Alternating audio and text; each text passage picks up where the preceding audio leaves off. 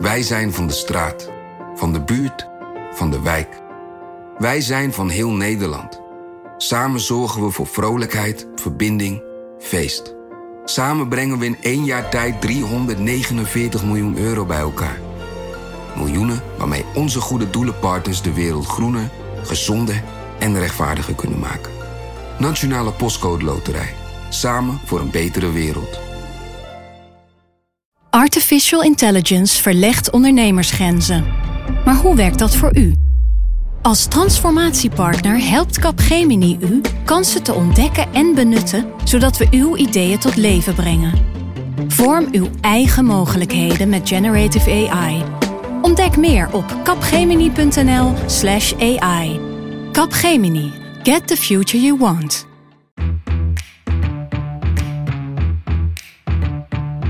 Dit is Haagse Zaken van NRC. Mijn naam is Lemia Aharwai. Alles zal anders zijn, maar één ding is zeker. Komende dinsdag is de derde dinsdag van september en dus Prinsjesdag. De traditionele feestjes en borrels in de stad gaan niet door. Er is ook geen gouden koets. Er zullen vast wel wat hoedjes zijn, maar een stuk minder dan voorgaande jaren. De Verenigde Vergadering van de Staten-Generaal gaat wel door. De troonleden wordt alleen niet zoals altijd in de Ridderzaal gehouden, maar in de Grote Kerk in Den Haag. En ook dit jaar biedt Wopke Hoekstra de miljoenennota aan aan de Tweede Kamer. In deze Haagse zaken bereiden we je voor op komende Prinsjesdagweek. Je hoort hoe groot de invloed van de coronacrisis is op de begroting. Hoe de drie W's, Wopke Hoekstra, Erik Wiebes en Wouter Koolmees, een grote rol spelen in die begroting. En hoe het nou precies zit met het Nationale Groeifonds, beter bekend inmiddels als het Wopke Wiebes Fonds. En dat doe ik met onze cijfertjesman slash wiskit, Philip de Wit-Wijnen. Wist je dat ik ben aangesproken door uh, collega-journalisten die in de financiële hoek zitten, die zeiden dat ze Excel-sheet, um, dat ik daar steeds op terugkom, dat ze dat niet zo, dat ze dat niet vonden kunnen. Is het een soort reclame maken of wat? Dat mag nee, niet. nee, dat ze vonden dat ik eigenlijk te denigrerend deed over mensen die vaak oh, achter ja, een Excel-sheet uh, zitten. Ja. Daarom probeer ik het nu met ja. Wizkid. Wat meer respect voor de nerd, ja. Dankjewel. Filip, vorig jaar schreef jij nog een, een stuk in de krant over alle bijeenkomsten die georganiseerd worden op zo'n dag als, als Prinsjesdag. Zijn het Ja, de feestjes, nee, die gaan allemaal niet door. Nee. Helemaal niks? Uh, nee. Um, ik weet dat Harry Mens uh, uitwijkt naar Noordwijk dit jaar om daar zijn feestje te houden. Maar er is wel iets georganiseerd daar? Ja, maar niet in uh, Den Haag. En de, de grote borrel van VNO-NCW, in Nieuwsport. de borrel in de middag in Nieuwsport, die gaat ook niet door. Die wordt anders. Ja, die soort on, half online? Ja, een webinar gaan ze houden. Nou, dat is totaal niet interessant. Zit iedereen met zijn biertje achter een webcam? Ja, terwijl dat echt de borrel ja. der borrels ja. is. We hoorden je al eventjes Marieke Stellinga. Marieke, jij verheugt je denk ik maar op één ding komende week. En dat zijn de koopkrachtplaatjes. nee. Ik wist dat dit zou komen als ik dit zou zeggen, maar... Ik dacht, ik geef je wat ruimte om, um, ja, om even jouw frustraties over koopkrachtplaatjes alvast te delen met iedereen. Ja. Dan zijn we daar, daarmee klaar. Oké, nou, de koopkrachtplaatjes zijn in een gewoon jaar al vrij onzinnig. Het CPB die maakt die dingen en die zegt er elk jaar een dag voordat het Prinsjesdag is, doen ze een tweet de deur uit van neem de koopkrachtplaatjes niet zo serieus dat u daaruit gaat afleiden wat u overhoudt in uw portemonnee. Want dat kan helemaal niet. Dit jaar zijn ze extra onzinnig. En waarom is dat nou zo? Het CPB berekent de gevolgen voor de koopkracht van een mediaan huishouden, een middelste huishouden, door het kabinetsbeleid en door uh, hun eigen economische voorspellingen. En daar komt dan een zeer geconstrueerd cijfer uit, wat bijna nooit uitkomt. Maar dat is als jouw situatie hetzelfde blijft. Dus iemand die een baan heeft, houdt de baan. Iemand die werkloos is, blijft werkloos. Iemand die gepensioneerd is, blijft gepensioneerd in de grote situaties die mensen in hun leven meemaken, van het niks. Nou, we weten allemaal dat de werkloosheid dit jaar enorm oploopt. Dus zo'n koopkrachtplaatje, wat nu op Prinsjesdag wordt gepresenteerd, is daarmee van nog beperktere waarde. Want ja, voor heel veel mensen zal het inkomen dalen. En dat zijn de mensen waarvoor wel iets verandert, namelijk die een baan hadden en geen baan meer hebben. En toch zie je vaak, hè, zie je vaak dat de uh, partij, coalitiepartijen gebruiken ze vaak om te laten zien, die wapperen ermee om te laten zien, mensen gaan het beter door krijgen. Oppositiepartijen doen het tegenovergestelde. Hè. Mensen gaan het juist slechter krijgen. Wat moeten we dan als we dat zien? Wat, wat, is dat dus, zijn dat loze woorden? Uh, korreltje zout. Het is echt een korreltje zout. Dus het is ook heel vaak zo dat ze niet uitkomen. Hè. Niet zoals verwacht, ook niet in het, in het middelste huishouden. En dat komt omdat er natuurlijk nog van alles in de economie gaat veranderen. Wat je er wel, het enige wat je eruit af kan leiden, is de gevolgen van het kabinetsbeleid op de koopkracht van mensen. Dus stel nou dat er een kabinet komt dat een speciale uh, uh, hekel heeft aan ouderen en de, daar heel veel belasting gaat heffen, dan zal je dat terugzien in die koopkrachtplaatje. En dan kan je zien, nou, dat is wel heel, een hele grote achteruitgang voor die groep. Dat kan je erin zien. Maar meestal zijn die koopkrachtplaatjes voor iedereen een plusje van rond de 1 of 2. Ik heb, ook, ik heb, ook, een ergernis bij koopkracht. Marieke zei het goed, het gaat om de mediane koopkracht. Dus de middelste waarde van alle koopkrachtjes op een rij. En altijd lees je of hoor je uh, uh, door anderen gezegd de, het gemiddelde koopkracht, de gemiddelde koopkracht. Het is niet gemiddeld, het is een, uh, het is een middelste waarde. Ja. Daarom het, het rare woord mediaan. De helft van de mensen zitten onder en de helft van de mensen zitten boven. Nou, ik denk dit helpt in ieder geval om uh, komende week dan. Ja. Uh, bij, want ja, je gaat het toch vaak horen. Ze worden, die plaatjes worden wel. Uh, Overigens was de laatste weken niet heel erg groot in het debat hoor. de koopkrachtdiscussie. Nee. andere jaren wel. Het ging altijd ja. over de koopkrachtplaatjes. Mm -hmm. Zoals het CPB die in augustus dan alvast heeft vooruitgeraamd. zonder extra aanvullend beleid. En dan wordt het bij Prinsjesdag bijgesteld.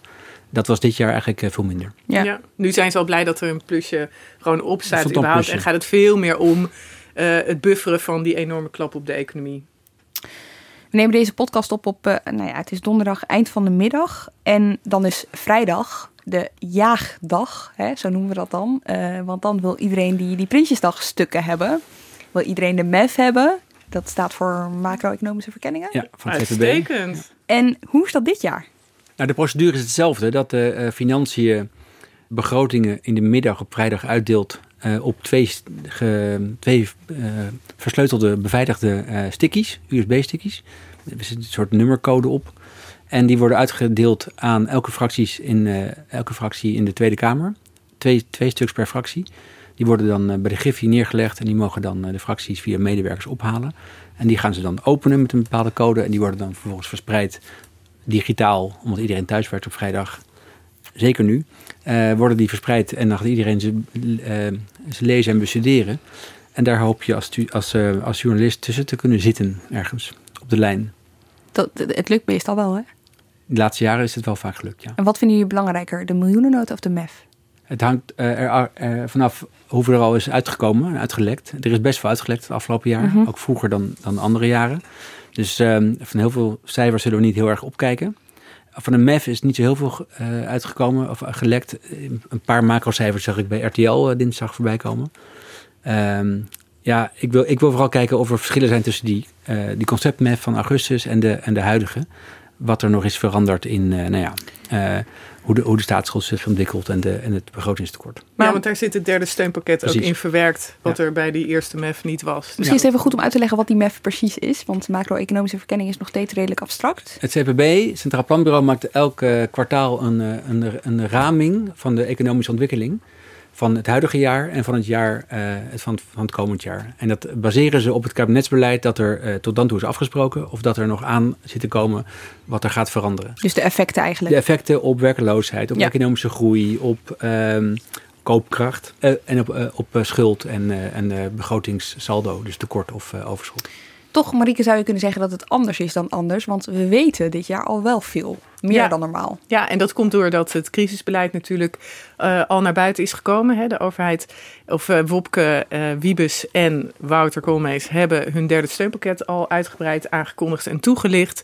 Dat moest ook al af zijn, want 1 oktober loopt het af. En dan uh, was de vraag bij bedrijven en uh, allerlei werknemers, ZZP'ers, van waar kunnen we dan op rekenen? Nou ja, dat bepaalt voor een groot deel de begroting. En daar weten we al veel van. Ze hebben ook al aangekondigd dat ze twee dingen willen doen: investeren en uh, scholings- en werk-naar-werk uh, uh, trajecten om mensen te helpen om van baan te veranderen. En investeren om de economie een, te, helpen om weer uit de crisis te komen. Dus die dingen, die zijn. Nou, en dan hebben we van de week hadden we ook nog het Wopke Wiebesfonds, wat er al was. Vorig jaar waren we daar nog heel benieuwd naar. Hè. Er was toen ruzie over uitgelekt. Uh, de, de, het was op de voorpagina van de Telegraaf gekomen. 50 miljard in een groot fonds. Nou, en daar was dan uh, uh, van alles, hoorde je erover, maar je wist het allemaal niet echt. Dus wij waren toen ontzettend benieuwd hoe dat in de miljoenennota kwam te staan. Nota met ja. een plan voor een onderzoek naar de mogelijkheid van een investering. Ja, want dat kwam toen vlak tegen. voor Prinsjesdag. Ja. ja, ik weet het nog wel. Het, ja, het ging vooral over wie had het bedacht. Uh, Wopke Hoekstra of, of Erik Wiebes. Daar hadden ze vooral gedoe over. Gaan we het straks nog heel uitgebreid over hebben. Maar even, dus dit jaar is eigenlijk bijzonder omdat er een aantal dingen al echt al officieel bekend zijn eh, gemaakt. Nou ja, dat is dus dat derde steunpakket en het Wopke Wiebes eh, Fonds of Wiebes Wopke Fonds. het is maar hoe je aan wie het vraagt. Maar er zijn ook een paar dingen wel echt uitgelekt. Wat is jullie daaraan opgevallen? Wat zijn Nou, de dat, dat, er, er toch iets eh, is gedaan aan, ehm, aan lastenverlichting Mhm. voor, eh, voor burgers. Vooral voor mensen die met een baan. Het schijnt dat de arbeidskorting eh, omhoog gaat. Dus een hogere fiscale korting voor mensen die werken.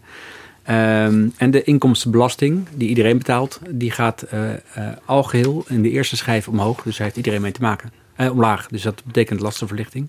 En ik hoorde daarover, en we kregen bevestigd, laatst het ook, dat, het ongeveer 1, dat er ongeveer 1 miljard in die koopkrachtverbetering komt, komt.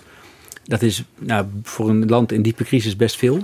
Vorig jaar was het 3 miljard en toen was het nog hoogconjunctuur. Dus dat is, ik vind het helemaal niet zo slecht. Het valt natuurlijk wel op dat alles wat uitlekt redelijk goed nieuws is. Hè? Dat is ook het probleem met compensatie van de huurverhoging. eh, nou, die bonus van de zorg, eh, dat is niet echt uitgelekt, maar daar is al veel over gesproken. Er is een motie eh, voor aangenomen ook.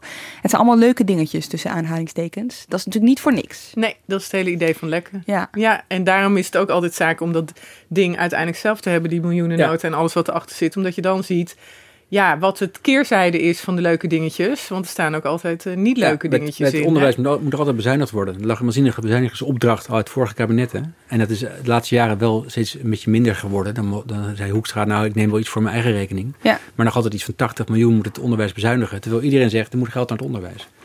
Maar dan is het toch interessant, je krijgt dan al die snippertjes vooraf, al die snippertjes goed nieuws. Doen jullie daar dan iets mee of niet? Want ja, het geeft eigenlijk een vertekend beeld. Als je dat de hele tijd op gaat schrijven, dan lijkt het alsof Prinsjesdag een fantastisch Hmm. feest wordt. Je probeert het in samenhang te Ja. zien. Dus wij hebben daar zeker wel wat mee gedaan. Maar ook in samenhang met het steunpakket. Toen daar ook dingen over begonnen uit te lekken. Toen hebben we daar echt eh, wel van tevoren over geschreven. Wat daar ongeveer in kwam staan. En je ziet het in samenhang. Want we hebben ook geschreven over de keerzijde deze keer. En dat is dat voor de VVD althans keerzijde. De winstbelastingverlaging die er volgend jaar zal aankomen voor bedrijven. Dat die eh, is ingeleverd. En dat is eh, natuurlijk voor sommige partijen goed nieuws. eh, maar voor andere partijen, zoals de VVD, die vond- Ja. vonden dat niet Maar, per se goed. ja, maar daar moeten we dan weer kijken.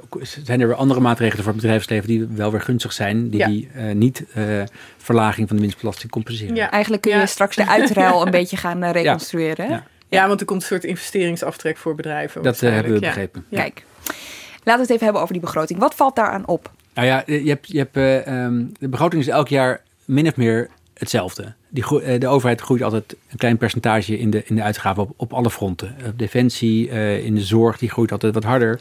Eh, onderwijs, de, de, de economie groeit, eh, de overheid groeit mee. Dat zul je nu ook zien. De economie groeit weliswaar niet, maar de uitgaven van de overheid blijven redelijk overeind. Er zijn geen grote bezuinigingen. Dus de basisbegroting zal niet heel spectaculair anders zijn dan andere jaren. Er zijn een paar extra uitgaven al eh, in het voorjaar afgesproken in het kabinet.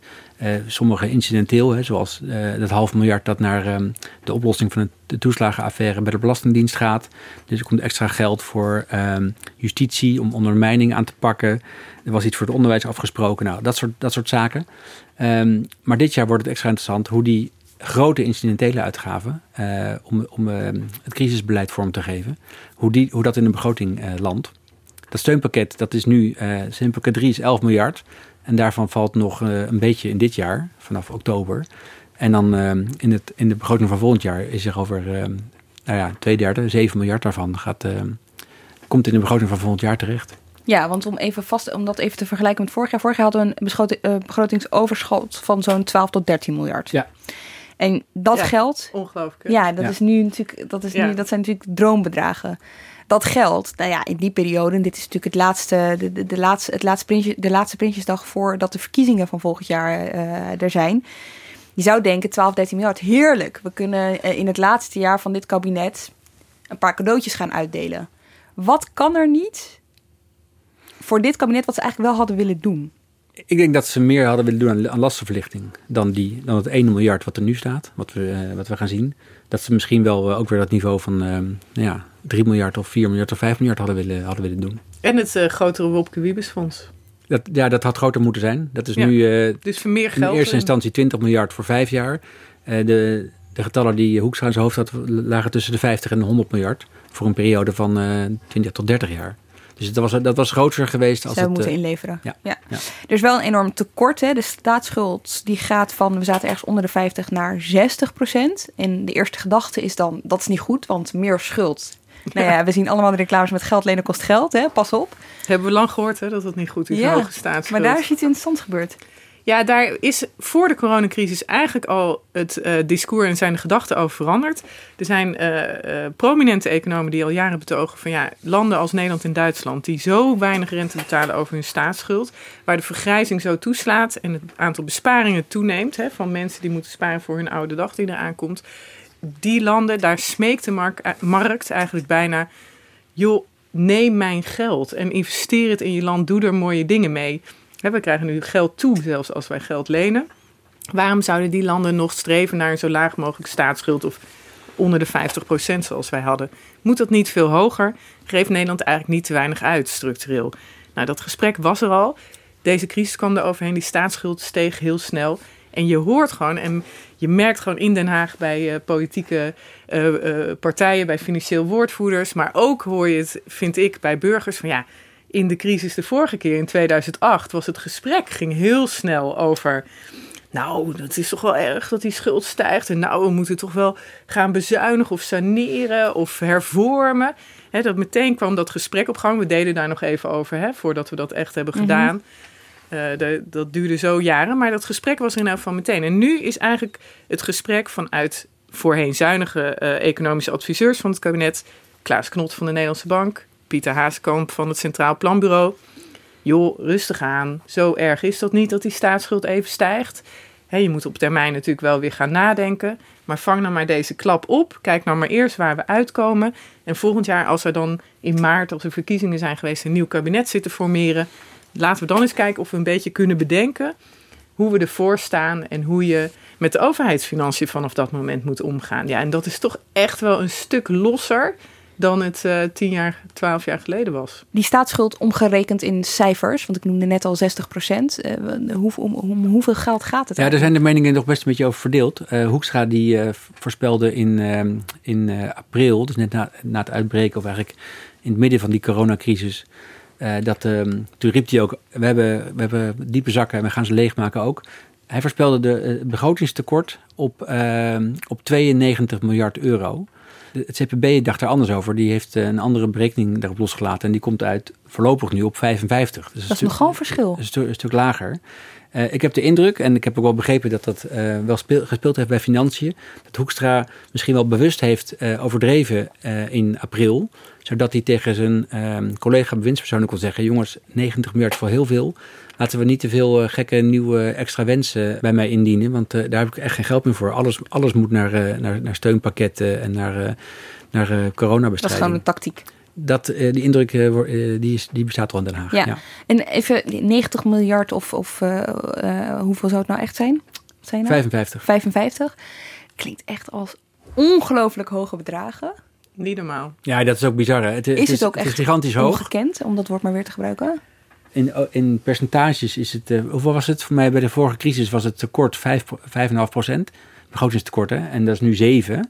Nou, dat is, eh, dat is heel hoog. Ik weet niet hoe het in de oorlogsjaren is geweest, maar dit is echt wel ongekend hoog. Jij noemde het net 60 procent. Dat gaat over het percentage staatsschuld. Dat is ook, dat is ook wel, dat is wel eens hoger geweest, denk ik. Dat, als je dat in absolute termen zet, dan kom je op ehm, nou, 470 miljard dit jaar aan, een, eh, aan staatsschuld. Klinkt ook heel hoog. Maar het, het gekke is, iedereen roept eigenlijk, dat kunnen we wel hebben. Want eh, de, de rente is laag, eh, de economie eh, groeit nu even niet, maar is, is toch best, best robuust eh, inherent.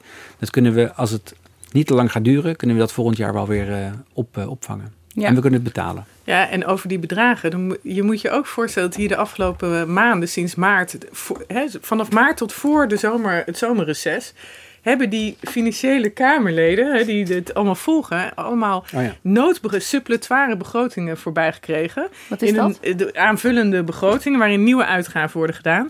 En ik eh, sprak ze voor een verhaal vlak voor de zomervakantie. En een aantal van hen zeiden ook van ja joh, eh, pff, er komt, komen zoveel miljarden bij. We moeten echt nog even laten indalen wat hier gebeurd is. Hè, dus helemaal niet dat het verkeerde besluit waren of dat we het niet hadden moeten doen. Natuurlijk moet je.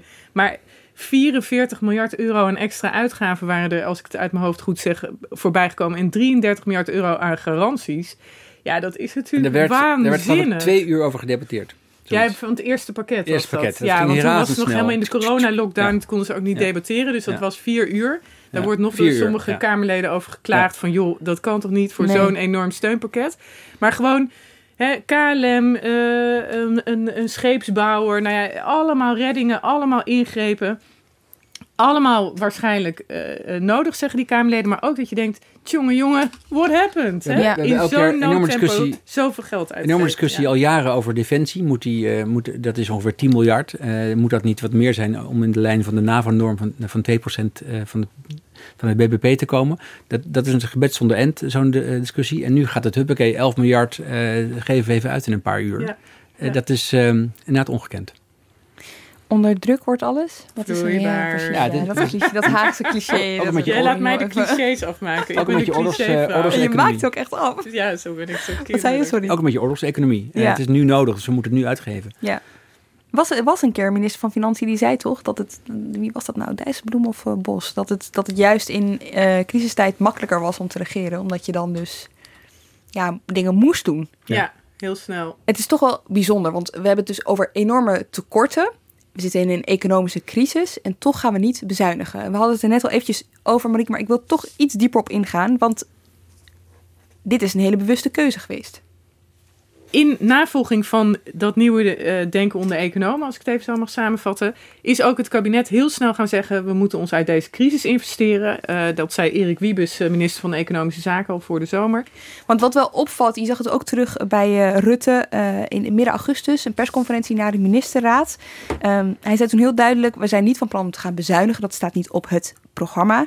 In een gesprek met Wilma Borgman van de NOS. Even luisteren. Ja, dat het in ieder geval geen tijd is voor eh, grote bezuinigingen op lastenverzwaringen lijkt me. Je ziet dus dat de economie echt een, een behoorlijke eh, dreun krijgt door corona. Hadden we ook verwacht. Het is niet zo dat het heel onverwacht is. En het, eh, als je het vergelijkt met andere Europese landen, dan zie je daar soms nog wel grotere, eigenlijk in de meeste andere Europese landen, de dreun zelfs nog erger is dan hier. En, maar hij is ook hier groot. En de impact op de werkgelegenheid is, eh, is groot. Eh, ik ben blij dat we eh, de, die enorme appel voor de dorst met elkaar hebben opgebouwd. eh, door de begroting eh, in de hand te hebben gehouden de afgelopen jaren. Zodat het ook mogelijk is om nu heel fors eh, te investeren in die economie. Wat we de afgelopen maanden doen via de noodpakketten. En uiteraard de teruglopende belastinginkomsten die onvermijdelijk zijn nu. Het is toch interessant. Jullie waren erbij in de crisisjaren van eh, 2008, 2010. Als jullie Rutte dan zo horen praten, terwijl er een economische crisis is, wat denken jullie dan? Ja, dat de sfeer echt anders is dan die toen was. En dat hij toen meteen dat bezuinigen, hervormen, saneren hing als een wolk, zeg maar, boven het politieke gesprek. Eh, ook boven de verkiezingen. eh, eh, de, de, de- alles, alles ging daarover. Hè. Ze deden nog een tijdje over, maar alles ging daarover. En het was ook het advies wat er toen was onder economen. Het gevoel van dit is een crisis, die financiële crisis, die komt uit het hart van het, van het economische systeem. Er moet orde op zaken worden gesteld. Er moet gesaneerd worden door de overheid in dat economische systeem om de economie weer gezond te maken en ook de overheidsfinanciën weer gezond te maken. Nu is de sfeer volkomen anders. Dit is een klap van buiten. Die moet worden opgevangen door de overheid om te voorkomen dat er permanente economische schade wordt aangericht in een economie die in principe gezond was, in bedrijven die er goed voor stonden, in markten die er goed voor stonden. En daardoor voelt het nu alsof dat financiële keurslijf, hè, wat, waar Nederland al snel in zit, alsof dat losser is. Hè? Er mag een buikje in, er mag geademd worden. Bij de vorige crisis wist iedereen begrotingstekort niet onder de 3%. De 3%-norm uit Brussel. Ja. Eurocommissaris Olly Rehn, die had dat. Ja, die- die was domineerde alles, Die domineerde ja. alles. Eh, staatsschuld niet hoger dan 60%. Daar hoor je nou niemand meer over praten eigenlijk. Die 3% hebben we het niet meer over. Nee. En we lopen, we lopen richting 12%. En dit is, Zeven, sorry, en dit is heel belangrijk, want ik kan, ik kan me die verkiezingsperiode rond de, de eh, financiële crisis nog goed herinneren. Dat ging toen eigenlijk voor mijn idee, maar ik zou het terug moeten lezen, heel veel over die begrotingsnorm en over of het meer of Ja. minder dan Ja. die 3% moest zijn. Nu staan we weer aan de vooravond van verkiezingen. En dan is het even interessant om terug te kijken naar een groepje nerds, zou jij ze noemen, denk ik, Marieke, eh, waar we het eerder al eens in een eh, aflevering van Haagzaken over hebben gehad. En dat is de studiegroep begrotingsruimte. En wie daar meer over wil horen, die moet even terugluisteren. Aflevering 40 van vorig seizoen. Maar deze groep kwam begin juli met een advies waarin stond niet nu gaan bezuinigen. Ja, dit, dit is een studiegroep, uh, het is een ambtelijke adviesgroep Ja. die altijd een jaar voor de verkiezingen komt met een, ehm, ja, een beetje macro-economisch verhaal van wat is eigenlijk de, met het huidige economische klimaat de ruimte voor de overheid om, om eh, dingen te kunnen doen, om geld, extra geld uit te geven waarin. Ehm, wat, is, ehm, wat kunnen de verkiezingspartijen daarop eh, voor mooie plannen voor, eh, op bedenken in de verkiezingsprogramma's. Daarom altijd in de zomer voor de, voor de komende eh, Tweede Kamerverkiezingen. Dit jaar liep dat natuurlijk anders omdat die coronacrisis zo erin hakt. Zowel in de gezondheidszorg als in de, als in de economie. Dus ze hebben nu een voorlopig eh, advies gegeven. Want ze wisten daar ook niet. Wat nee, kunnen we hier? en ze hebben een voorlopig advies eigenlijk, dat ziet op de korte termijn. Ze hebben gezegd daarin, wat, wat economen hebben gezegd. Hier zitten ambtenaren in van het Centraal Planbureau, het ministerie van Financiën, het ministerie van Economische Zaken en Sociale Zaken. De Nederlandse Bank. De Nederlandse Bank zit erbij. En ze hebben gezegd, wat economen ook roepen in, de- in, het, eh, in de discussie. Nu even niet bezuinigen, dat is eh, contraproductief. Maar ook geen extra eh, structurele investeringen doen. Dus niet, dat is ook een groot punt wat boven de markt hangt rond Vriendjesdag en de APB daarna. Niet eh, de salarissen in de zorg structureel gaan verhogen. Want daar hebben we even geen geld voor. Nou, Alleen het maar even over een actuele discussie Precies. hebben. Alleen eh, incidenteel investeringen doen die helpen om het economisch leed te verzachten. Eh, maar we, gaan ook niet, we moeten ook niet gaan, ehm, eh, ook geen lasten gaan, gaan verlagen of opeens gaan verhogen. Ja, het is, het is dus een voorlopig advies. Maar dit Ja. dwingt zo'n groep natuurlijk ook heel erg om na te denken over fundamentele vragen. Hoe ga je als land eigenlijk om met schuld? Wat vinden wij daarvan? Ja. Eh, wat is wenselijk of niet? Ja, en zeker de tijd dwingt daar ook al toe, hè, Ja. omdat dat Ja. gesprek daarover zo veranderd is. En ze zoeken nu ook echt, want het is hartstikke moeilijk, want je weet niet, niemand weet hoe wij er volgend jaar voor staan in onze overheidsfinanciën als dat nieuwe kabinet begint in maart, april. Het kan zelfs zijn dat het dan nog helemaal niet duidelijk is wat de schade uiteindelijk is van deze crisis, wat de financiële rekening is, wat de economische schade is. Dus die onzekerheid maakt dit heel erg moeilijk. Ze zijn er nu over aan het nadenken. Er komt een definitief rapport later dit najaar. Ja, volgens mij komt dat nog wel. Is dat wel het plan? En daarvan is de vraag van ja, hoe, hoe veel ruimte gaat dat geven aan een nieuw kabinet? Hè? Want het was nu, je hoeft nu niet te bezuinigen om het tekort terug te dringen. Die schuld laat maar even gaan. En dat gaat heel erg over nu. Zo heb ik het althans gelezen. Geef ook nu niet extra structurele dingen uit. Hè? Maar ja, nu moeten ze dan nog gaan zeggen wat dan het nieuwe kabinet, wat die voor financiële kaders moet hanteren in een volkomen onzekere wereld. Met een hele nieuwe discussie over of het misschien Ja. wel helemaal niet ergens om een tekort te hebben als Nederland. Want ja, misschien kan je dat wel beter hebben dan een overschot, omdat anders je schuld eh, veel te laag eh, wordt automatisch. Dus dit is super interessant waar zij op komen. En ik denk ook dat dat wel. ja, die nieuwe K, hè, dat een beetje onzekere gesprek waar je in zit. eh, v- daar kan je volgens mij als mens, maar ook als politieke partij op twee manieren op reageren. Sommige mensen vinden die vrijheid fijn hè, en denken, hé, hey, dat schept ruimte. En andere mensen worden er een beetje ongedurig van. Ja, Die houden niet van eh, zo'n kaderloos bestaan. precies. Want je noemt politieke partijen en die zijn nu bezig met hun verkiezingsprogramma's. En die bouwen vaak wel op dat advies van, eh, van die studiegroep begrotingsruimte. Die Ja, een beetje deel, met een deel, probleem. ja. Ik had het gevoel dat ze al klaar hadden moeten zijn. Maar of, of zijn ze nog binnen de deadline van de normale verkiezingsprogramma's? En de vorige keer was voor mij dat in, na de zomer komen die programma's zo'n beetje uit. En dan komen daarna de kandidatenlijsten. krijg je de najaarscongressen. Ja. Zal dit jaar ook allemaal anders zijn. En als het, het rapport van deze ambtenaren er nog niet ligt... dan is het moeilijk voor een partij die de overheidsfinanciën serieus neemt... om, ehm, om een paar alinea's erover te schrijven. Ja, ik, Nederlandse partijen zijn geneigd de afgelopen 10, 15 jaar, zolang ik ze een beetje volg, om toch redelijk in dat kader te stappen Ja. dat er ligt. Hè? En dan zit eh, de PVV en de SP zitten altijd aan de wat ruimere kant, dus die vinden wat minder belangrijk misschien om die overheidsfinanciën snel op orde te brengen. En eh, partijen als de VVD vinden dat weer wat belangrijker. Dus die, daar zijn wel verschillen, maar die verschillen liggen wel, is mijn indruk altijd, en heb ik ook wel een paar keer uit eh, zitten berekenen, redelijk in die kaders die zo'n groep aangeeft. Ja, nu, als die kaders er niet zijn, dat is gewoon eh, eh, meer vrijheid. Het, het is meer vrijheid. Het is voor sommige partijen ook wel reden om te twijfelen. Moeten we überhaupt wel ons hele verkiezingsprogramma door laten rekenen? Als alles zo onzeker is. Ja, ja, Ehm, dan krijgen we die weer. ja, precies. Wat horen jullie daarover? Ja, en je bedoelt door het Centraal Door Planbureau. het Centraal die Planbureau. altijd gaat kijken wat de effecten zijn van de plannen van een partij op de economie enzovoort. Ik ben daar, ondanks alle kanttekeningen die je erbij kan plaatsen en tekortkomingen die die doorrekening heeft, ik ben een groot fan van, want partijen worden gedwongen om te vertellen wat ze echt bedoelen. Eh, Hoe bedoel je dat? Noem ze een voorbeeld. eh, nou, eh, klassiek voorbeeld. De VVD vindt altijd dat werken moet lonen.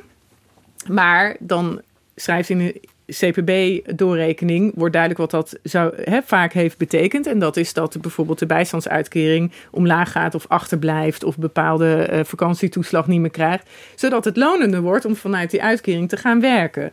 Hè, dus als je tegen mensen zegt de bijstandsuitkering gaat omlaag, of je zegt tegen mensen werken moet lonen, dat klinkt toch als twee hele verschillende dingen. En Eigenlijk geeft die doorrekening het achtergrondverhaal achter die slogans. Exact, het maakt duidelijk. En het maakt ook duidelijk, je hebt maar een beperkt aantal euro's. Ook in deze, dit eh, wat lossere financiële keurslijf zullen die niet oneindig zijn. Je moet dus kiezen waar gaan de euro's heen. En als jij hogere zorgsalarissen wil, dan zal je merken dat dat veel kost in hè, je uitgaven. En dat dat grote effect heeft op je overheidsfinanciën. Uh, be my guest. Ja.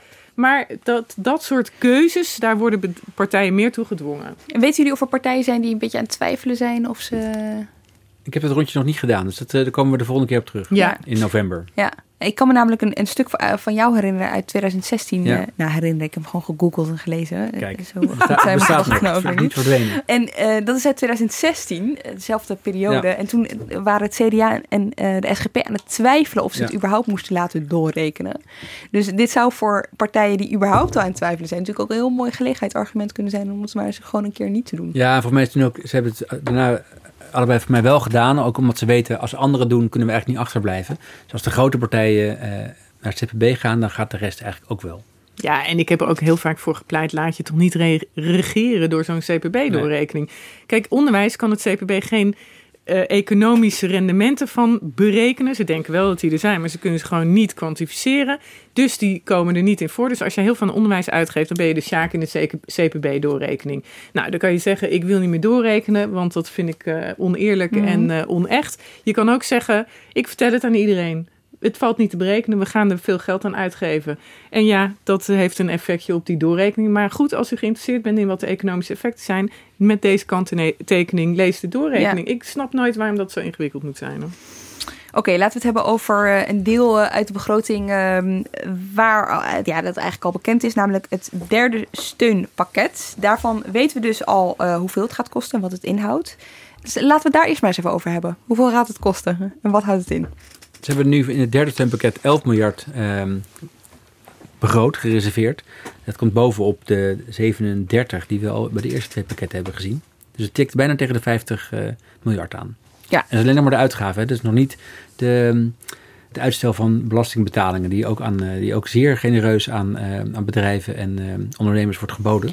Ze verwachten een, nog een belastingderving tijdelijk van uh, 25 tot 30 miljard. Dus dat, is, dat zijn belastinginkomsten die dan niet binnenkomen? Nee, die komen in principe dan later binnen. Ja.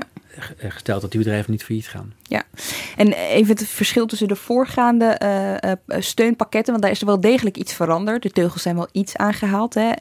de inkomenssteun, dus het deel dat de overheid betaalde aan inkomens, was 90%, wordt 60%. Wordt in, stap, in stappen afgebouwd. Ja. En een deel daarvan is dan gereserveerd specifiek voor, um, voor omscholingsprogramma's om de mensen die hun baan zouden verliezen uh, naar ander werk te begeleiden. Ja, en ik begreep ook dat dit pakket voor negen maanden gaat gelden. Dat is langer dan de afge afgelopen... Ja, De andere pakketten waren drie en vier maanden. Of andersom, vier en drie maanden.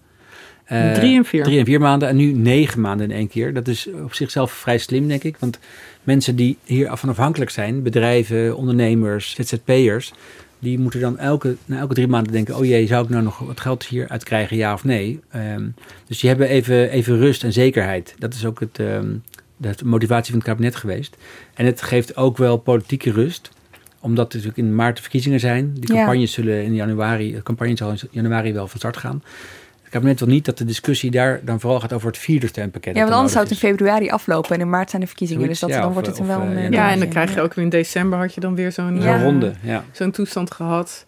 Dus nu geeft dat, dat geeft politiek rust. En weet je, als de politieke uh, profileringsdrang toeneemt, zit je niet meer met dit soort onderhandelingsfases. Dit ja, dat was het idee. De, drie van de onderhandelaars of drie van de bedenkers, dat zijn dus de drie W's. Ja. Uh, Erik Wiebes, Wouter Koolmees en Wopke Hoekstra. En Filip, eh, wat interessant is aan wat ze hebben bedacht, is dat de steun heel anders is dan hoe dat ging tijdens de financiële crisis. Ja, inderdaad. In 2008, toen de, nou, de banken dreigden om te vallen en de verzekeraars, toen heeft de overheid ook flink uh, in de, de portemonnee gegrepen om te, helpen, om de financiële sector overeind te helpen. ABN AMRO werd ook overnight voor 16 miljard gekocht. Het kwam later nog 8 miljard bij, meen ik. ING kreeg, een, kreeg garanties voor 10 miljard. dat ging ook razendsnel in het najaar van 2008.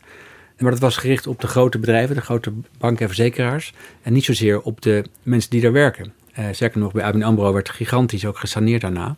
En bij ING ook. Die werd helemaal uitgekleed ook onder eh, Europese eisen. Nu lijkt de steun gericht op zowel bedrijven, maar vooral ook op de mensen die daar werken. Op de werknemers. Die loondoorbetaling, uh, die vindt het kabinet heel belangrijk. Dat mensen hun baan behouden en hun inkomen behouden. Zodat ze ook nog geld kunnen uitgeven. En daarnaast ligt er ook een groot pakket voor uh, flexwerkers en ZZP'ers. En ja, MKB'ers, dat is, hè? Want het gaat niet alleen maar om die grote Ja, precies. En als je daarnaar kijkt, hè, dan is dat... Dit is gewoon een heel bijzondere steun. Want in die banken werd, hè, dat waren ook leningen of uh, achtergesteld eigen vermogen enzovoort. Dat geld zou in theorie terug zijn gekomen. Een deel is ook teruggekomen. Dit zijn echt subsidies. Hè? Dit is dus echt weggegeven. En uh, die, ja, ik vind die percentages echt nog steeds uh, mind-blowing elke keer als ik ze weer zie. 40% van de MKB-bedrijven heeft een van deze vormen van steun aangevraagd. Uh, eh, 3 miljoen werkenden hebben in dat eerste, die eerste maanden, ZZP'ers en mensen in, een, uh, in loondienst, hebben inkomenssteun gekregen. Ja, dat is een schaal die, die we niet op, op die manier ooit hebben gezien. Wat de overheid ongelooflijk snel in elkaar heeft getimmerd bij het UWV en andere overheidsinstanties. En het UWV bleek ook heel erg efficiënt te kunnen werken. Dat was ook wel bijzonder. Nou ja, ja, ja. ja, ja. ja ongekende cijfers. Maar ik, ik, kan me ook nog wel herinneren, die eerste persconferentie van uh, dat drietal uh, naast elkaar uh, op 17 maart. De boodschap was toen heel duidelijk over de hoofden heen van de parlementaire pers aan al die ondernemers. Maak je geen zorgen, wij gaan het voor je regelen, wat er ook nodig is. Wij betalen het. Maar er zat ook een tweede boodschap in. En die keek iets verder vooruit dan, dan de korte termijn. En dat was, nou ja, laten we even luisteren naar Pop Hoekstra. Ik denk wel dat we zo eerlijk moeten zijn om te zeggen dat uh, voor de samenleving, voor de economie en ook voor de schatkist uh, hier echt geldt. Dit is het begin van het begin. En uh, het wordt echt wel stoelriemen vast de komende periode. Ik kan me voorstellen dat het ook wel een beetje omstreden is wat hier gebeurt. Want er komt een enorm infuus wordt binnengereden en daar worden al die bedrijven aan vastgemaakt. Maar dat kunnen ook bedrijven zijn die eigenlijk anders sowieso al failliet waren gegaan. Ja, dat, dat geluid ga je nu meer horen. In het begin was het eigenlijk uh, ook opvallend. Economen waren echt uh, fanboys van dit beleid. Dus het was echt aan masse dat economen zeiden, dit moet je doen. Hè, je moet als overheid die klap mede opvangen, anders krijg je economische schade die niet nodig is. In de hoop natuurlijk ook dat het kort zou duren, dat we eventjes in coma, even in slaap en dan na een paar maanden konden we weer lekker doorlopen zoals we deden. Nou, dat duurt nu langer, de steunpakketten duren ook langer. En dus nemen de zorgen toe van ja, wie, wat, wie hou je daarmee in de lucht? Zijn dat misschien wel zombiebedrijven? Zijn het zombiebanen die in de lucht worden gehouden? En je ziet ook opmerkelijke uh, effecten. Bijvoorbeeld vandaag nog, het CBS kwam met de faillissementcijfers over augustus. En die zijn lager dan de afgelopen 21 jaar in augustus. dus ook lager dan het economische bloeijaar vorig jaar. Ja, dat is natuurlijk heel opmerkelijk. Hè? In een van de sectoren die zwaar getroffen is, de horeca, zit een enorme omloopsnelheid in bedrijven. Hè, daar gaan traditioneel veel bedrijven mhm. starten op, gaan failliet, restaurants gaan dicht, cafés gaan open. Zo gaat het maar door. Ja, dat is nu door dat steunbeleid kennelijk toch eventjes enorm gedempt. Nou ja, dat kan goed zijn, want er kan iets niet kapot gaan, uh, wat ook niet kapot had gehoeven. Maar ja, het kan ook zijn dat er nu nog een beetje bedrijven leven die eigenlijk geen, niet meer levensvatbaar zijn. En uh, je ziet wel in die, de, zeg maar, in, een soort van uh, evolutie in die drie steunpakketten, dat die eisen wel steeds strenger worden, toch? Absoluut. En dat de beef, die, dus het eigen geld wat de ondernemers moeten bijleggen, steeds groter wordt. Ja, en de, en de filosofie daarachter is, bedrijven moeten zich aanpassen aan een nieuwe situatie. Dus een, een horecabedrijf dat eigenlijk te weinig klanten heeft, moet zich misschien gaan richten op, uh, op uh, nou ja, bedrijfskatering of, uh, of een andere tak van sport waar hij zijn personeel nog voor kan gebruiken. En daar is misschien dus omscholing voor nodig. Ja. Dus het idee is echt bedoeld om die transitie te begeleiden. En minder blinde steun voor alles wat je altijd al gewend Want dat eerste pakket was wel echt zo, hè? Dat was gewoon ja, steunen ja, iedereen. Ja, en het kan ook zo zijn dat alle uh, traditionele schuldeisers van een bedrijf dat in problemen zit, nu ook met z'n allen denken, zoals de huurder of de bank, laten we even gewoon niks doen en wachten totdat deze storm voorbij is. Hè? Dus dat kan ook faillissementen tegenhouden. Het is natuurlijk ontzettend gekke tijd. Dus wat wij hier zien, wat we meemaken, dat weten we eigenlijk niet. De klap is ongekend die we krijgen en bijzonder. We hebben zelf delen van de economie uitgezet. Dan stort natuurlijk de omzet in elkaar. Maar de, het steunbeleid dat daarbij hoort en meteen is ingezet, is ook heel bijzonder. Ja. Dus wat hier uiteindelijk van overblijft, ik ben benieuwd. Dat steunpakket is eigenlijk ook in eh, vrij korte tijd uit de grond eh, gestampt door dus die drie heren. Ja. Het is een eh, productief trio. Absoluut. En het zijn eigenlijk Erik Wiebes en Wout Koolmees die de steunpakketten in elkaar dokteren en eh, bedenken met hun beide ministeries. En in strak overleg met de polder. Dus met de vakbonden en eh, de clubs van bedrijven zoals VNO, NCW en MKB Nederland. En, en dan is de rol van Hoekstra om steeds met zijn rekenmachientje, eh, nou niet ernaast te zitten, maar die zweeft dan boven de tafel om te kijken, jongens, kan het wel? En kunnen we het allemaal wel betalen? Die, die speelt dan op de achtergrond een grote rol. Die moet echt het grote plaatje in de gaten houden. Ja, want dat vind ik wel interessant. Jullie hebben een profiel gemaakt van deze drie. Eh, stond vrijdag in de krant. Eh, vrijdag de 11e, voor wie het eh, terug wil zoeken. Wat is jullie opgevallen? Laat ik daar maar eens even mee beginnen. Wat is jullie opgevallen aan hun onderlinge verhoudingen? Ja, het zijn hele verschillende mannen. Hè? Dus het, eh, dat is wel het leuke eraan. Je hebt een jurist, dat is Hoekstra, ex-consultant. Je hebt een ingenieur, Erik Wiebes. Ook ex-consultant. Die wordt eh, echt een, eh, een vrije denker en een Willy Wortel-achtige creatieveling genoemd. En dan heb je Wout Koolmees, een econoom. Super inhoudelijk, super technisch. Weet hij van alle maatregelen het... eh, ka- na- na- hoe heet dat? Naadje van de kous. Ja, Eh, neusje van Neusje de van de zalm. Neusje van de Zalm kan ook, ja. Ehm, eh, en is echt het oliemannetje ook. Hè? Dus speelt echt de rol van iedereen aan tafel houden. En zorgen dat het allemaal eh, door één deur kan. Ja, en, hier is nog een verschil. Koolmees is het enige oud-Kamerlid eh, van deze drie. Uh, Hoekstra zat wel in de Eerste Kamer, maar niet in de Tweede. En Wiebes eh, is wethouder geweest in Amsterdam en toen werd hij staatssecretaris eh, in Rutte 2. Maar eh ehm, Koolmees staat het beste in om de Kamer te vriend te houden. Zowel de coalitiepartijen als de oppositie. Hij gaat voortdurend koffie drinken en praten. Dit is mijn plan, wat vind je ervan? Hebben jullie nog suggesties of wensen? Of hebben jullie blokkades? Eh, waar kan ik helpen? En hij is onvermoeibaar in het drinken van koffie met, met, de, met alle Kamerleden die, die hij nodig heeft. Vanuit de polder zagen ze Koolmees eh, veranderen vanaf het moment dat hij binnenkwam als minister en hoe hij nu denkt. Ja, dat eh, zegt Piet Fortuyn van vakbond CNV. Ja, ja. En, en wat is daar veranderd? Wat zag hij Nou ja, veranderen? ja, kijk, het is natuurlijk... Koolmees hè, eh, van D66 wil per- eh, vanuit de partij persoonlijke pensioenpotjes, hè, individualistisch. En ja, dat pensioenstelsel is heel collectief. Hè? Dus hij heeft, om dat pensioenakkoord te moeten sluiten... wat hij ook nog even heeft gedaan eh, vlak voor en tijdens deze crisis... eh, Wouter Koolmees met de polder... heeft hij echt wel andere dingen uiteindelijk gedaan... dan hij misschien aanvankelijk in zijn eigen partijprogramma heeft opgeschreven. Ja, zeker wel. Dus in de ogen van de vakbond is hij van kleur verschoten. Ja, precies. Want je vraagt je af, zijn dat nieuwe inzichten of is het gewoon de realiteit die... Nou ja, er is een compromis uitgedokterd. En een compromis is een compromis. Dus daar komen andere kleuren in. En, en ze hebben ook, wat ik ook aardig vind, het zijn natuurlijk drie characters, drie super eh, slimme, intelligente mensen, die alle drie ook een verleden op financiën hebben. Uh, Koolmees had er op de begrotingspolitiek al in de jaren nul, denk ik, jaren negentig misschien zelfs al. Hoekstra is consultant geweest, eh eh, Wiebes ook.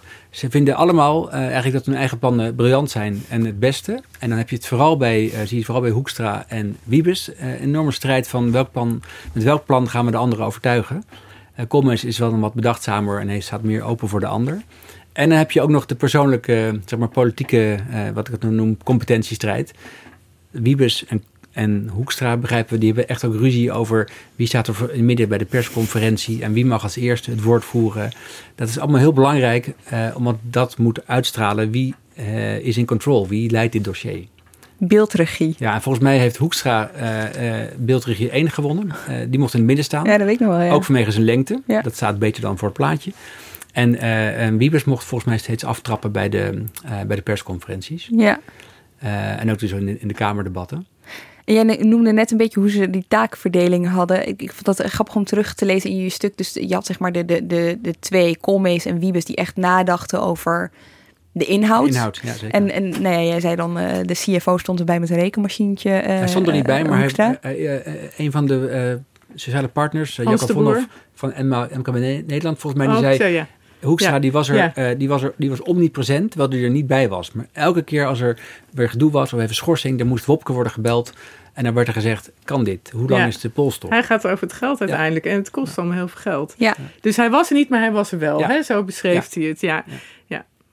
En ehm, het zijn ook drie mannen met drie verschillende politieke ideologieën. Ze komen uit drie verschillende politieke partijen. Nou ja, D66 en VVD kun je in principe nog wel in dezelfde hoek plaatsen.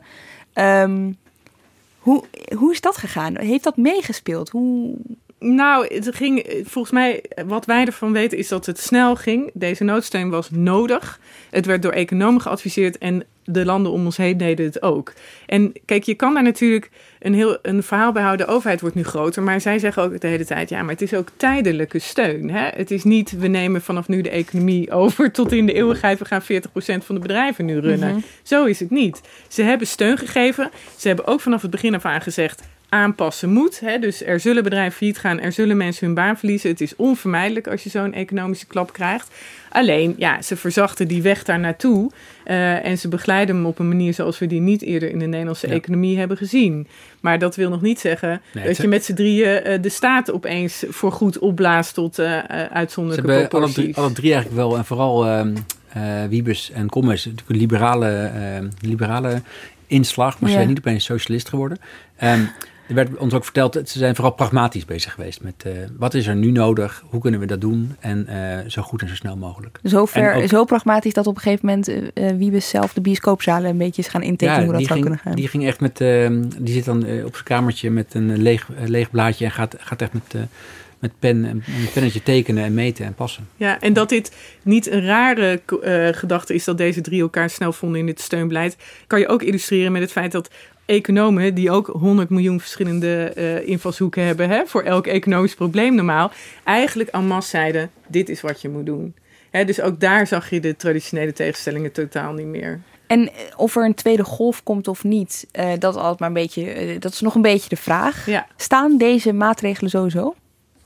Ja, en nou ja, ze hebben ook allemaal gezegd: als er een tweede golf komt, dan moeten we opnieuw kijken. Hè, of er misschien meer nodig is of er andere dingen nodig zijn. Het handige van deze subsidieregelingen, zoals die er zijn, is dat ze ook opschalen en afschalen met omzetdaling. Ja. Dus als een bedrijf meer omzetdaling heeft, dan krijgt hij ook meer subsidie. Als het minder is, minder. Dus het beweegt wel degelijk mee met wat er in de economie gaande is. Het zou wel kunnen dat ze meer gaan doen als er weer een tweede golf komt. En Ja, echte lockdowns. ja, bij hè, lockdown, want precies. Ja.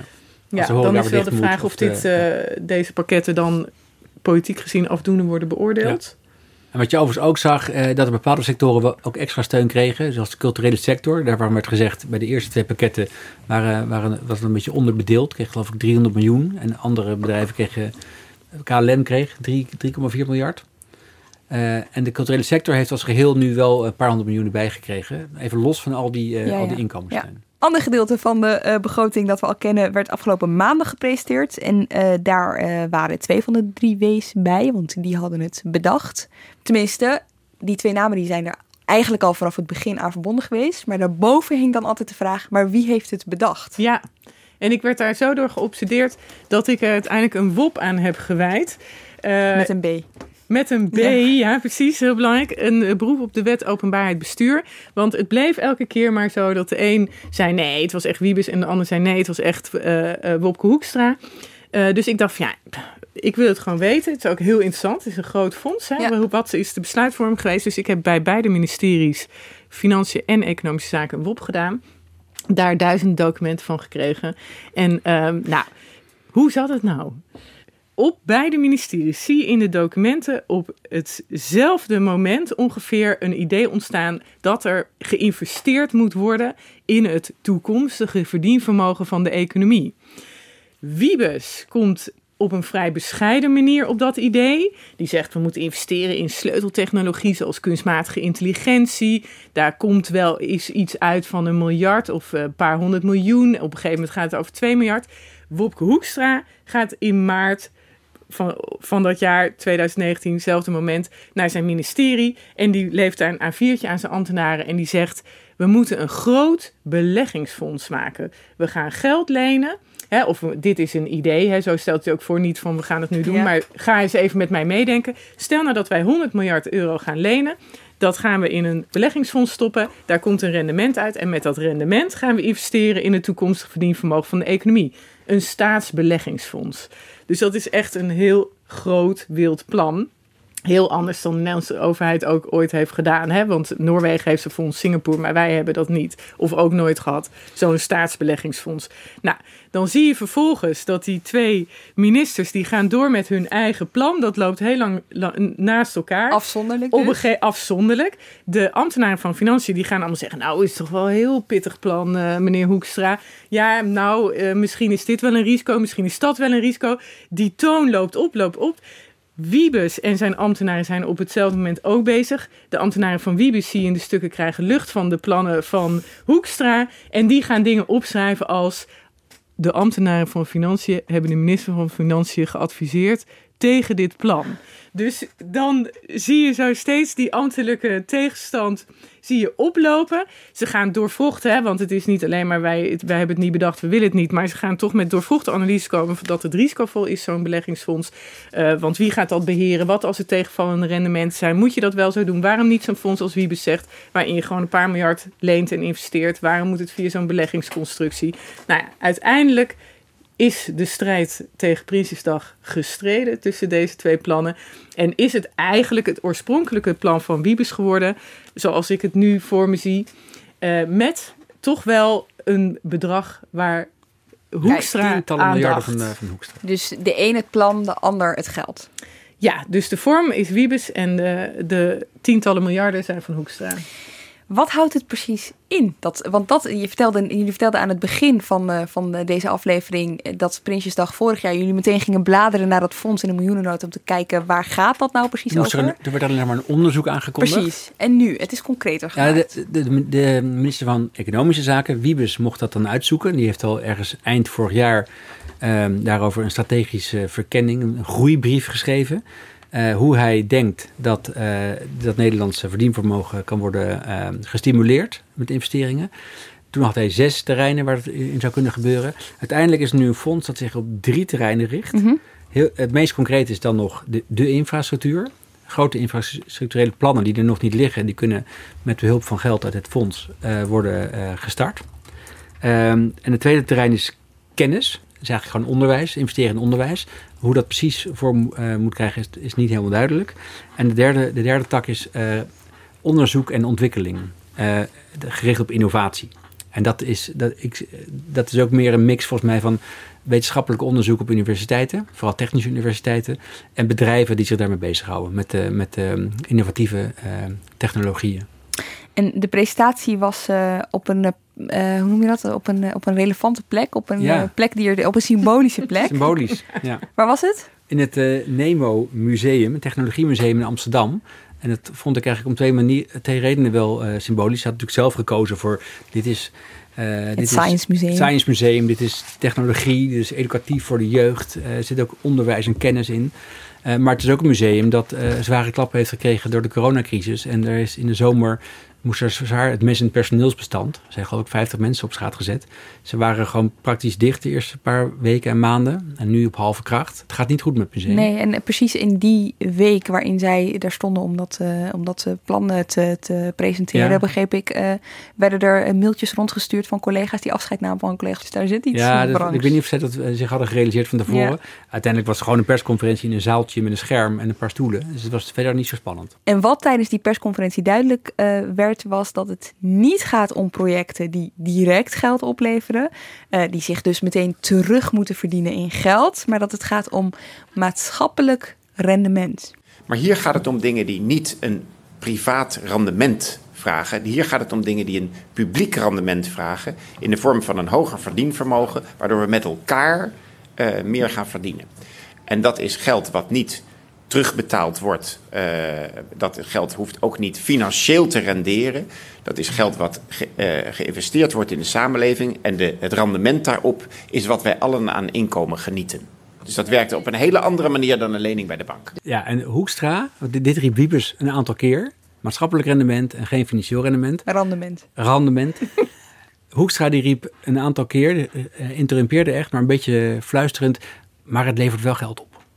dat is ook het denken. Hè? Als de economie maar gaat groeien straks en meer gaat groeien dan, eh, dan we denken, dan levert dat uh, banen op, inkomen en dus ook uh, belastingen. Ja. Dus Hoek schrijft wel degelijk zitten rekenen dat het op den duur ook geld in het laadje brengt. En, en, en er gaat dus een commissie op toezien welke bedrijven dat geld dan krijgen of welke, welke projecten. Wie zit erin? Een paar namen? Nou, het is een vrij zware commissie, uh, uh, zeg maar optisch. grote namen. voormalig minister van Financiën Jeroen Dijsselbloem. Voormalig directeur van het CPB Laura van Geest. Robert Dijkgraaf, de bekende hoogleraar natuurkunde, meen ik. Nu een, de mhm. directeur op Princeton in, in, de Verenigde Staten. Um, is iemand van hun de baas? Nee, nog niet. oh, nog niet. Ik noem, vergat nog Prins Constantijn, oh. die al, zich al jaren druk maakt om de sector start-ups, dus niet echt een sector, maar beginnende bedrijven in de, in de, in de nieuwe technologieën. Ze gaan met elkaar afspreken wie daar uh, de voorzitter wordt. Maar zij mogen alle plannen die binnen uh, zullen komen, iedereen mag plannen aandragen. Die zullen zij uiteindelijk beoordelen op de, op de haalbaarheid, op de uh, uitvoerbaarheid en op die criteria. Gaat dit bijdragen aan de economische groei? Oké, dat, zijn, dat zijn de criteria. Ja, en er zijn er nogal acht, uh, of bij elkaar vijftien zelfs, maar acht hoofdcriteria en dit waren er drie. Ja, we zaten te luisteren naar die persconferentie en het viel ons op. Er was een verschil, we hoorden net eventjes Wiebes, dan hoor je Hoekstra. Dat je probeert toch een beetje achter te komen, oké, in wat voor projecten gaat het dan? Mm -hmm. Dan hoor je veel van dit soort woorden.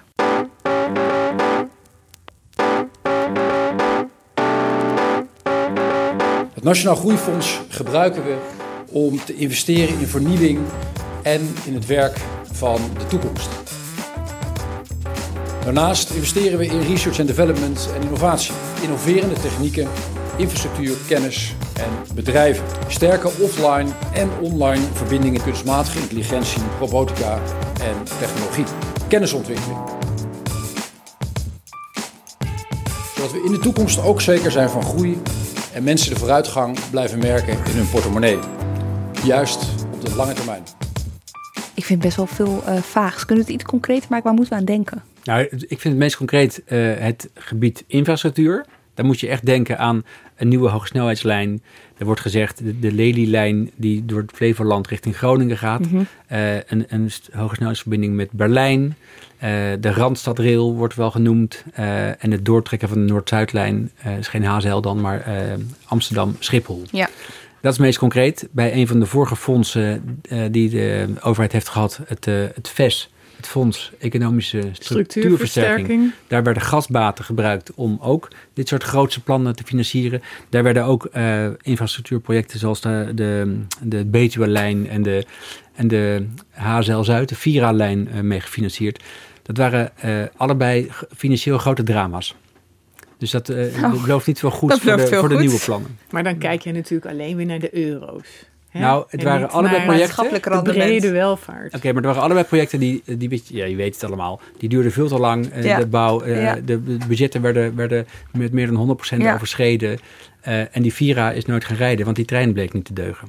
Dus uh, Nederland heeft niet uh, heel veel uh, geluk gehad met, met megalomane projecten als deze. Ja, dus proberen we het gewoon nog eventjes nog Precies. een keer. hey. Maar ja, goed, het aanleggen van infrastructuur en spoorlijnen is natuurlijk ook een normaal overheid, onderdeel van wat de overheid ja, doet. Toch? Maar nu al... zijn het veel dingen met veel digitale innovatie. Nee, dat is iets anders. Oh.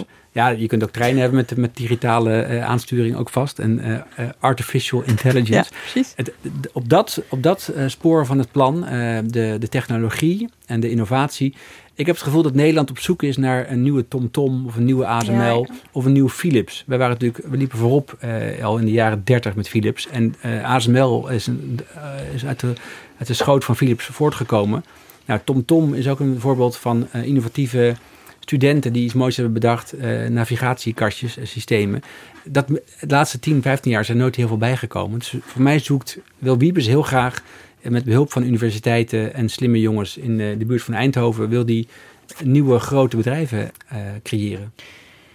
Even terug naar uh, het nu, want wat je nu zegt is natuurlijk uh, toekomstmuziek. Ja. Uh, op de korte termijn hebben we dus Prinsjesdag. We weten al veel, hebben jullie net helemaal uitgelegd. Ik ben toch benieuwd, juist omdat je al zoveel weet, wat is het eerste waar jullie op gaan letten als jullie die documenten morgen hopelijk ja. in handen hebben? Nou, ik ga letten buiten de, de maatregelen die nog niet helemaal 100% zeker zijn op de toon van Hoekstra in de miljoenennota.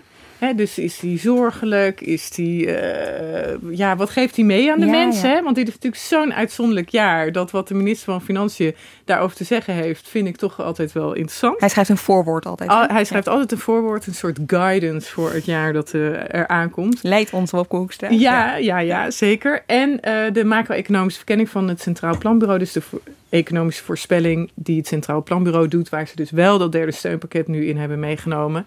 Ik ben daar benieuwd naar, ook omdat ja, ze voorspellen in enorme onzekerheid. En elke voorspelling die ze doen wordt misschien een stukje preciezer of duidelijker wat er allemaal aan de hand is. Dus eh, dat is ook super interessant. Filip? Ja, ik ga toch kijken naar eh, in het laatste, de laatste begroting van het kabinet. Eh dat is altijd de tijd voor de cadeautjes. Daar is niet zoveel ruimte meer voor. Ik ga toch kijken wat er onderaan de streep eh, voor de mensen bij komt. Gewone mensen. In allerlei eh, eh, verschillende eh, richtingen van nou ja, huurverlaging en dat Ja, soort dingen. misschien zit er nog eh, verrassing in, hè? Lastenverlichting, precies. Eerst maar even die eh, stukken in handen krijgen. Zo is het. Dank jullie wel, Filip de Witwijnen en Marieke Stellinga. En jij ook bedankt voor het luisteren. Ik hoop dat je het je helpt om eh, volgende week alle praatjes en alle overwinningstoespraken... en juist mensen die zeggen dat het allemaal heel slecht is... om dat een beetje te kunnen duiden. Redactie en productie van deze aflevering door Iris Verhulstonk. Volgende week is er weer een Haagse Zaken. Tot dan.